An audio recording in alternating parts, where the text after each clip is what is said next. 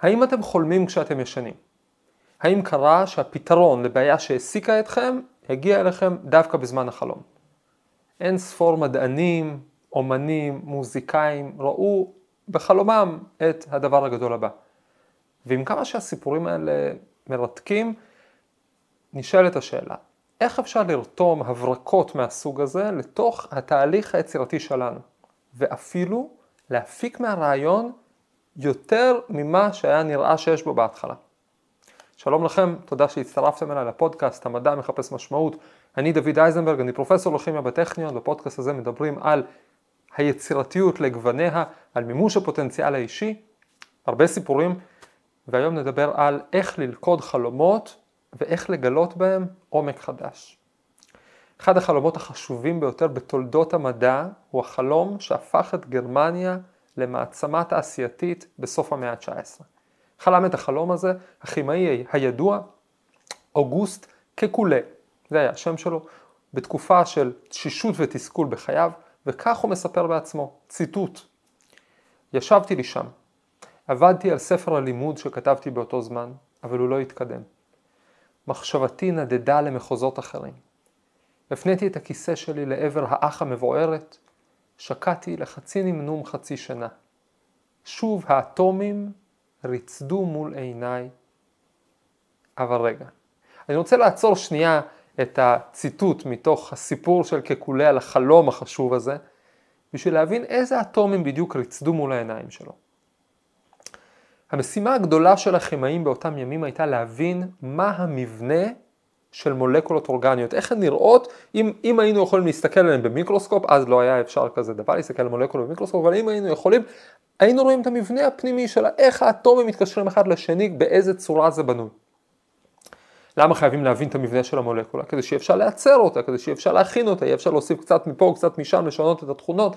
בעצם הכימאים שם עמדו על סף המהפכה הסינתטית, המהפכה שבה מאז אנחנו יודעים להכין תרופות וצבעים וכל חומר אפשרי, ומה שעצר אותה מלהיכנס מבעד לדלת, לעבור את הרף הזה, את המפתן הזה של המהפכה, זה חוסר הבנה של איך המולקולות בנויות. ידעו הרבה על מולקולות, אבל לא איך הן בנויות. בואו ניקח דוגמה אחת, ריחנית במיוחד, מלאת ארומה. עוד בימי הביניים, הסוחרים הערבים הביאו מהודו לאירופה שרף ריחני של איזשהו עץ מסוים מהודו. הם קראו לזה לובן ג'אווי. מה זה לובן ג'אווי? לבונה מג'אווה. ג'אווה, אינדונזיה. עכשיו, כל השם הזה, לקרוא לאותו שרף לובן ג'אווי, זה היה שקר די נועז של אותם סוחרים, כי לובן זה בעצם לבונה, אבל זאת לא הלבונה שבתורה, כי בארץ ישראל לא היה את אותו עץ שהיה בהודו, אז זה לא לבונה, וזה בכלל לא היה ג'אווי, זה לא היה מג'אווה, זה היה מהודו. אבל הם חשבו שלובן ג'אווי, לבונה מאינדונזיה, ימכור יותר טוב, וככה השם הזה התקבע, ולאט לאט השם הזה הלך והתגלגל בין, אה, אה, בין הלשונות האירופאיות, לובן ג'אווי הפך להיות בנג'אווי, הפך להיות בנזוי, והשם של אותו שרף שהם הביאו התקבע באירופה כשרף בנזוי. אחד החומרים בתוך השרף הבנזוי הזה הוא באיזשהו מובן התמצית, גם מבחינה כימית מבנית וגם מבחינה אה, אה, ריחנית, הוא התמצית של אותו חומר, זה חומר שקראו לו בנזן, היום קוראים לו בנזן, בגרמנית קראו לו בנזול. עכשיו, ידעו על החומר הזה הרבה דברים, אבל לא ידעו איך הוא בנוי. מה ידעו? זה חשוב. ידעו, זה, זה מאוד חשוב לסיפור של החלום של קקולה. ידעו שיש בו שישה פחמנים, שישה, שישה אטומי פחמן ושישה אטומי מימן, זה מה שידעו שמרכיב אותו, אבל לא ידעו באיזה סדר. והתלבטו, אולי שרשרת כזאת, אולי שרשרת אחרת, אולי שרשרת מסועפת, אולי כל מיני משולשים קטנים. ניסו להבין איך, איך הדבר הזה בנוי. עכשיו, זה לא שאי אפשר להעלות הרבה השערות, אפשר לדמיין מאות מבנים אפשריים לכזה הרכב, אבל הבעיה היא שאף אחד מהמבנים האלה שדמיינו לא התאים לתכונות בפועל. מה זאת אומרת? זאת אומרת שלחומר הזה יש כל מיני תכונות שראו שכשמגיבים אותו עם אה, חומצה הוא יוצר חומר א', מגיבים אותו עם בסיס יוצר חומר ב', ואיכשהו כל התיאוריות שבנו נתנו תחזיות הרבה יותר מורכבות מההתנהגות בחומר של הפועל, בפועל של החומר, שהיה בה משהו מאוד פשוט, מאוד סימטרי היום נקרא לזה, שפשוט לא הצליחו להסביר. אף תיאוריה, יותר מעשר שנים עבדו על זה באופן מרוכז, לא הצליחו להציע מבנה מתקבל על הדעת לחומר הזה, ובעצם לכל החומרים מסוגו, וזה היה מה שתקע את המהפכה בכימיה אורגנית. שם נמצא, שם השארנו את אוגוסט קקולה מתוסכל מהדבר הזה, כי אוגוסט קקולה היה אה, כימאי אורגני חשוב, גרמני, הוא עבד, פעל באוניברסיטת גנט שבבלגיה, לימד שם בצרפתית, חיבר ספרי לימוד בכימיה אורגנית, הוא בעצם הלך וכתב את התחום של כימיה אורגנית בעוד התחום הזה נוצר, והוא פשוט הגיע לחומרים האלה, דמו, כמו הבנזן, קראו להם כבר באותו זמן חומרים ארומטיים, כי היה להם הרבה ארומה, והוא פשוט לא ידע מה לכתוב, והוא נתקע בבעיה הזאת שנים. אנחנו השארנו אותו מנמנם ליד האח המבוארת, מתוסכל מהפרק שלו עובד, וככה הוא אומר, אני ממשיך את הציטוט. שוב האטומים ריצדו מול עיניי. הפעם, הוא ממשיך ומספר, קבוצות קטנות של אטומים נשארו בשקט בפינה. עיני רוחי שהתחדדו על ידי חזיונות חוזרים ונשנים מהסוג הזה, הבחינו לפתע במבנים גדולים יותר, במגוון של צורות, שרשראות ארוכות, לפעמים מסתרגות זו בזו, הכל בתנועה, מתפתל ומסתובב כמו נחשים, אבל עצור, מהו הדבר הזה שם? אחד הנחשים לחד את זנבו שלו בפיו, והצורה הזו התפתלה לנגד עיניי בלגלוג. התעוררתי בן רגע ושוב ביליתי את שארית הלילה בפענוח ההשלכות של ההיפותזה. סוף הציטוט של אוגוסט קקולה. בעצם הרעיון שהבזיק בחלומו מול האח המבוארת הרעיון של קקולה היה טבעת סימטרית. להפסיק לעשות שרשראות, מתפצלות או לסדר בהם קשרים יחידים כפולים בכל מיני סדרים, אלא לסגור אותן על עצמן. לקח לו הרבה יותר מלילה לבדוק את הרעיון הזה, כלומר להשוות אותו לממצאים הניסיוניים, לוודא שהוא הגיוני, שבכלל אפשר לבנות את זה ככה. לקח לו שלוש שנים, עד שבסוף הוא פרסם אותו, את הרעיון הזה לראשונה ב-1865. אבל מרגע שהוא עשה את זה, עולם הכימיה השתנה לנצח, ולא רק עולם הכימיה. קודם כל קקולה הראה שסוג כזה של טבעות ארומטיות, עכשיו אנחנו קוראים להם טבעות ארומטיות, הוא מין מוטיב חוזר באין ספור מולקולות חשובות ביותר, מעניינות ביותר, בכמעט כל מולקולות הצבע יש כזאת טבעת ארומטית, בחומרי תרופות לאין ספור יש טבעת ארומטית.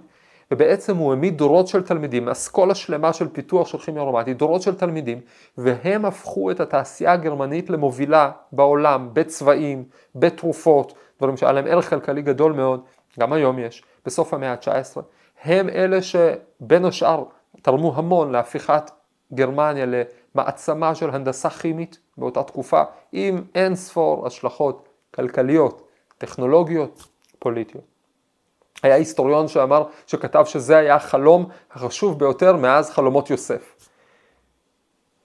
ולצד כל החשיבות הטכנולוגית הזאת בעיניי בתור מדען אה, אה, שחובב שאלות בסיסיות, הייתה בו פריצת דרך מדעית מבריקה, אל תאמינו לי, אה, ראש החברה הגרמנית לכימיה באותו זמן, הכימאי הידוע פון הופמן אמר, הייתי נותן את כל התגליות שעשיתי בחיי בשביל הרעיון האחד הזה של קקולה.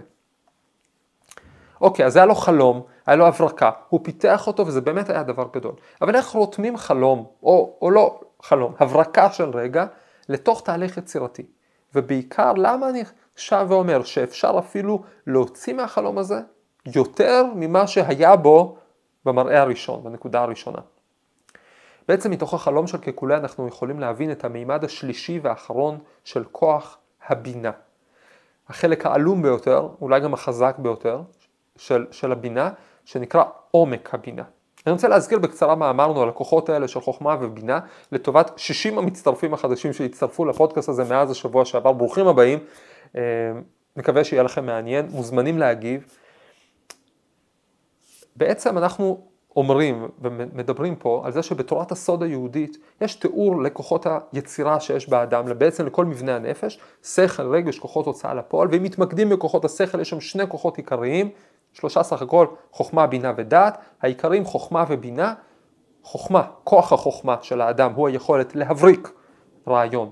הרעיון שמבריק בחוכמה הוא כמו זרע קטן שנזרע באדמה, שעכשיו צריך לפתח. זה מה שעושה הכוח השני, והוא כוח הבינה, יכולת לפתח את הרעיון במלואו, להצמיח את הזרע הזה לפירות, וגם אמרנו ששני הכוחות האלה, חוכמה ובינה, הם שני חברים שלא נפרדים, ככה כתוב בספר הזוהר, תרי ראין דלא מתפרשין, מה הכוונה? שהם רודפים זה את זה. ההברקה של החוכמה מולידה את הפיתוח שבבינה, הפיתוח בתורו מייצר שאלות חדשות, שמצריכות הברקות חדשות, שהן מובילות לפיתוח, וככה הם בעצם רודפים אחד את השני. אנחנו גם רואים שהם מתרחשים בסקלות זמנים מאוד שונות. החוכמה היא החשיבה המהירה שעליה דיברו אה, אה, כהנמן וטברסקי, זוכי הנובל בכלכלה, בספר הידוע שלהם, והבינה זה החשיבה האיטית יותר. אבל בעצם המודל הקבלי הרבה יותר מורכב ממה שהם אה, זיהו. בשבועות האחרונים דיברנו על זה שלבינה, כוח הפיתוח, יש שלושה ממדים משלה. במאמר מוסגר יש יותר, אבל אה, אה, לא שמעתם אותי אומר את זה. דיברנו על זה שבפרק 52 על רוחב הבינה. זה האנליזה והסינתזה, זה הפירוק של הדבר לגורמים, העמדת הגורמים זה מול זה, בדיקת הרעיון מול תרחישים שונים, במקרים שונים, זה כל המי ומה, מתי ואיך, כמה ולמה של הרעיון, זה בעצם פיתוח האינטלקטואלי כמו שאנחנו מדמיינים אותו, מבינים אותו בצורה פשוטה, רוכן מעל השולחן, גב כפוף וכותב. הכוח השני, אחרי רוחב הבינה, זה אורך הבינה. דיברנו עליו בפרק 49, זה היכולת להמשיל משלים, בעצם למתוח גשרים בין עולמות תוכן שונים, לבנות מודלים, מטאפורות, אלגוריות, וגם לחקור אותם, לראות איזה מהם מעשיר את ההבנה שלנו ואיזה מהם מקשה עליה. וכל התהליכים האלה לוקחים זמן ומאמץ. הרבה קדימה, אחורה, מחד ומאידך. עד שהאדם עלול להיאבד. הוא עלול לשכוח את הרעיון המקורי, הוא עלול למצוא את עצמו מגיע למסקנות שגויות. לכאורה הוא הגיע למסקנות האלה באיזושהי דרך לוגית, הוא התחיל מהנחות יסוד, הוא פיתח כל עבודת רוחב הבינה לפתח את הרעיון בלוגיקה, אבל פתאום הוא מוצא את עצמו באיזשהו מקום עקום, והוא עלול אפילו לא לשים לזה לב. לך עכשיו תחזור על כל התהליך, תמצא את הנוסחה השגויה באקסל באחד התאים, או את הצומת האחד הזה שפנית בו לפנייה הלא נכונה מתוך כל הדרך. ולכן לכל אורך הפיתוח, לכל אורך עבודת הבינה, האדם חייב להמשיך ולהחזיק ביד את הפקעת של הרעיון המקורי, בעודו הוא פורם אותה בדרכה למטה. וזה נכנס, זה בעצם הממד השלישי בבינה, ממד עומק הבינה, זה החיבור של הבינה אל החוכמה למעלה. בעצם אפשר לראות את החוכמה כאילו הרעיון מבריק ואז משתלשל כמו חוט עם משקולת שיורה לתוך הבינה שאחר כך עושה איתו הרבה. זה הכוח הזה של עומק הבינה, לקחת מהחוכמה את הנקודה, להתחיל לפרום אותה בלי לאבד אותה, בעוד הוא מחזיק את הפקעת ביד. לפתח, אבל לא לשכוח מאיפה הגעת. בחלום של קקולה הוא בעצם הלך ופיתח את הרעיון של הטבעת הסימטרית לאורך הרבה זמן. הוא כל הזמן אמר, רגע, אבל אם זה סימטרי כמו הטבעת, האם זה מסביר את ה... אה, אה, האם הממצאים שאני עכשיו רואה, או התיאוריה כפי שאני מפתח אותה, מסתדרים עם אותו רעיון של טבעת אחת סימטרית. הוא החזיק את הרעיון הזה וככה הוא המשיך עם הפיתוח. למה אני אומר שיש פה כוח גדול? כי זה, כל זה זה רק השלב הראשון של עומק הבינה.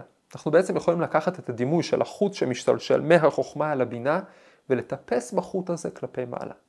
מה הכוונה? דרך כלפי מטה זה לקחת את הרעיון ולפתוח אותו, בלי לאבד את הקשר לרעיון המקורי. הדרך כלפי מעלה זה לזקק את הרעיון. זה לצאת מתוך העולם, מתוך הרעיון כפי שפיתחנו אותו והרחבנו אותו והוספנו אליו פרטים ורכיבים, ולהבין, רגע, רגע, רגע, מה הרעיון בטהרתו? ואז זה בעצם לעלות למעלה ויש לנו סיכוי להגיע יותר גבוה מאיפה שהתחלנו. יש לנו סיכוי להגיע לאיזושהי הכללה עוד יותר רחבה. אני עכשיו אביא כמה דוגמאות למה אני מתכוון. רואים את זה באופן מדהים למשל בפיתוחים טכנולוגיים, שבהם יש איזשהו רעיון שמתפתח ומשתכלל, נעשה מורכב יותר, ואז פתאום מתחיל איזשהו מסלול הפוך של הפשטה, שהמוצר נעשה פשוט יותר. למשל, תסתכלו על המסך, מי שיכול לראות, מי שלא, שיעשה לזה גוגל או שפשוט יאמין לי. תיעוד של הדורות השונים של העכבר, עכבר המחשב של אפל. אפל לא המציאו את עכבר המחשב, לקחו אותו מזירוקס, אבל הם לגמרי הפכו את הרעיון הזה לפופולרי בכל העולם, ואפשר לראות איך מדור לדור העכבר שלהם הולך ונעשה פשוט יותר.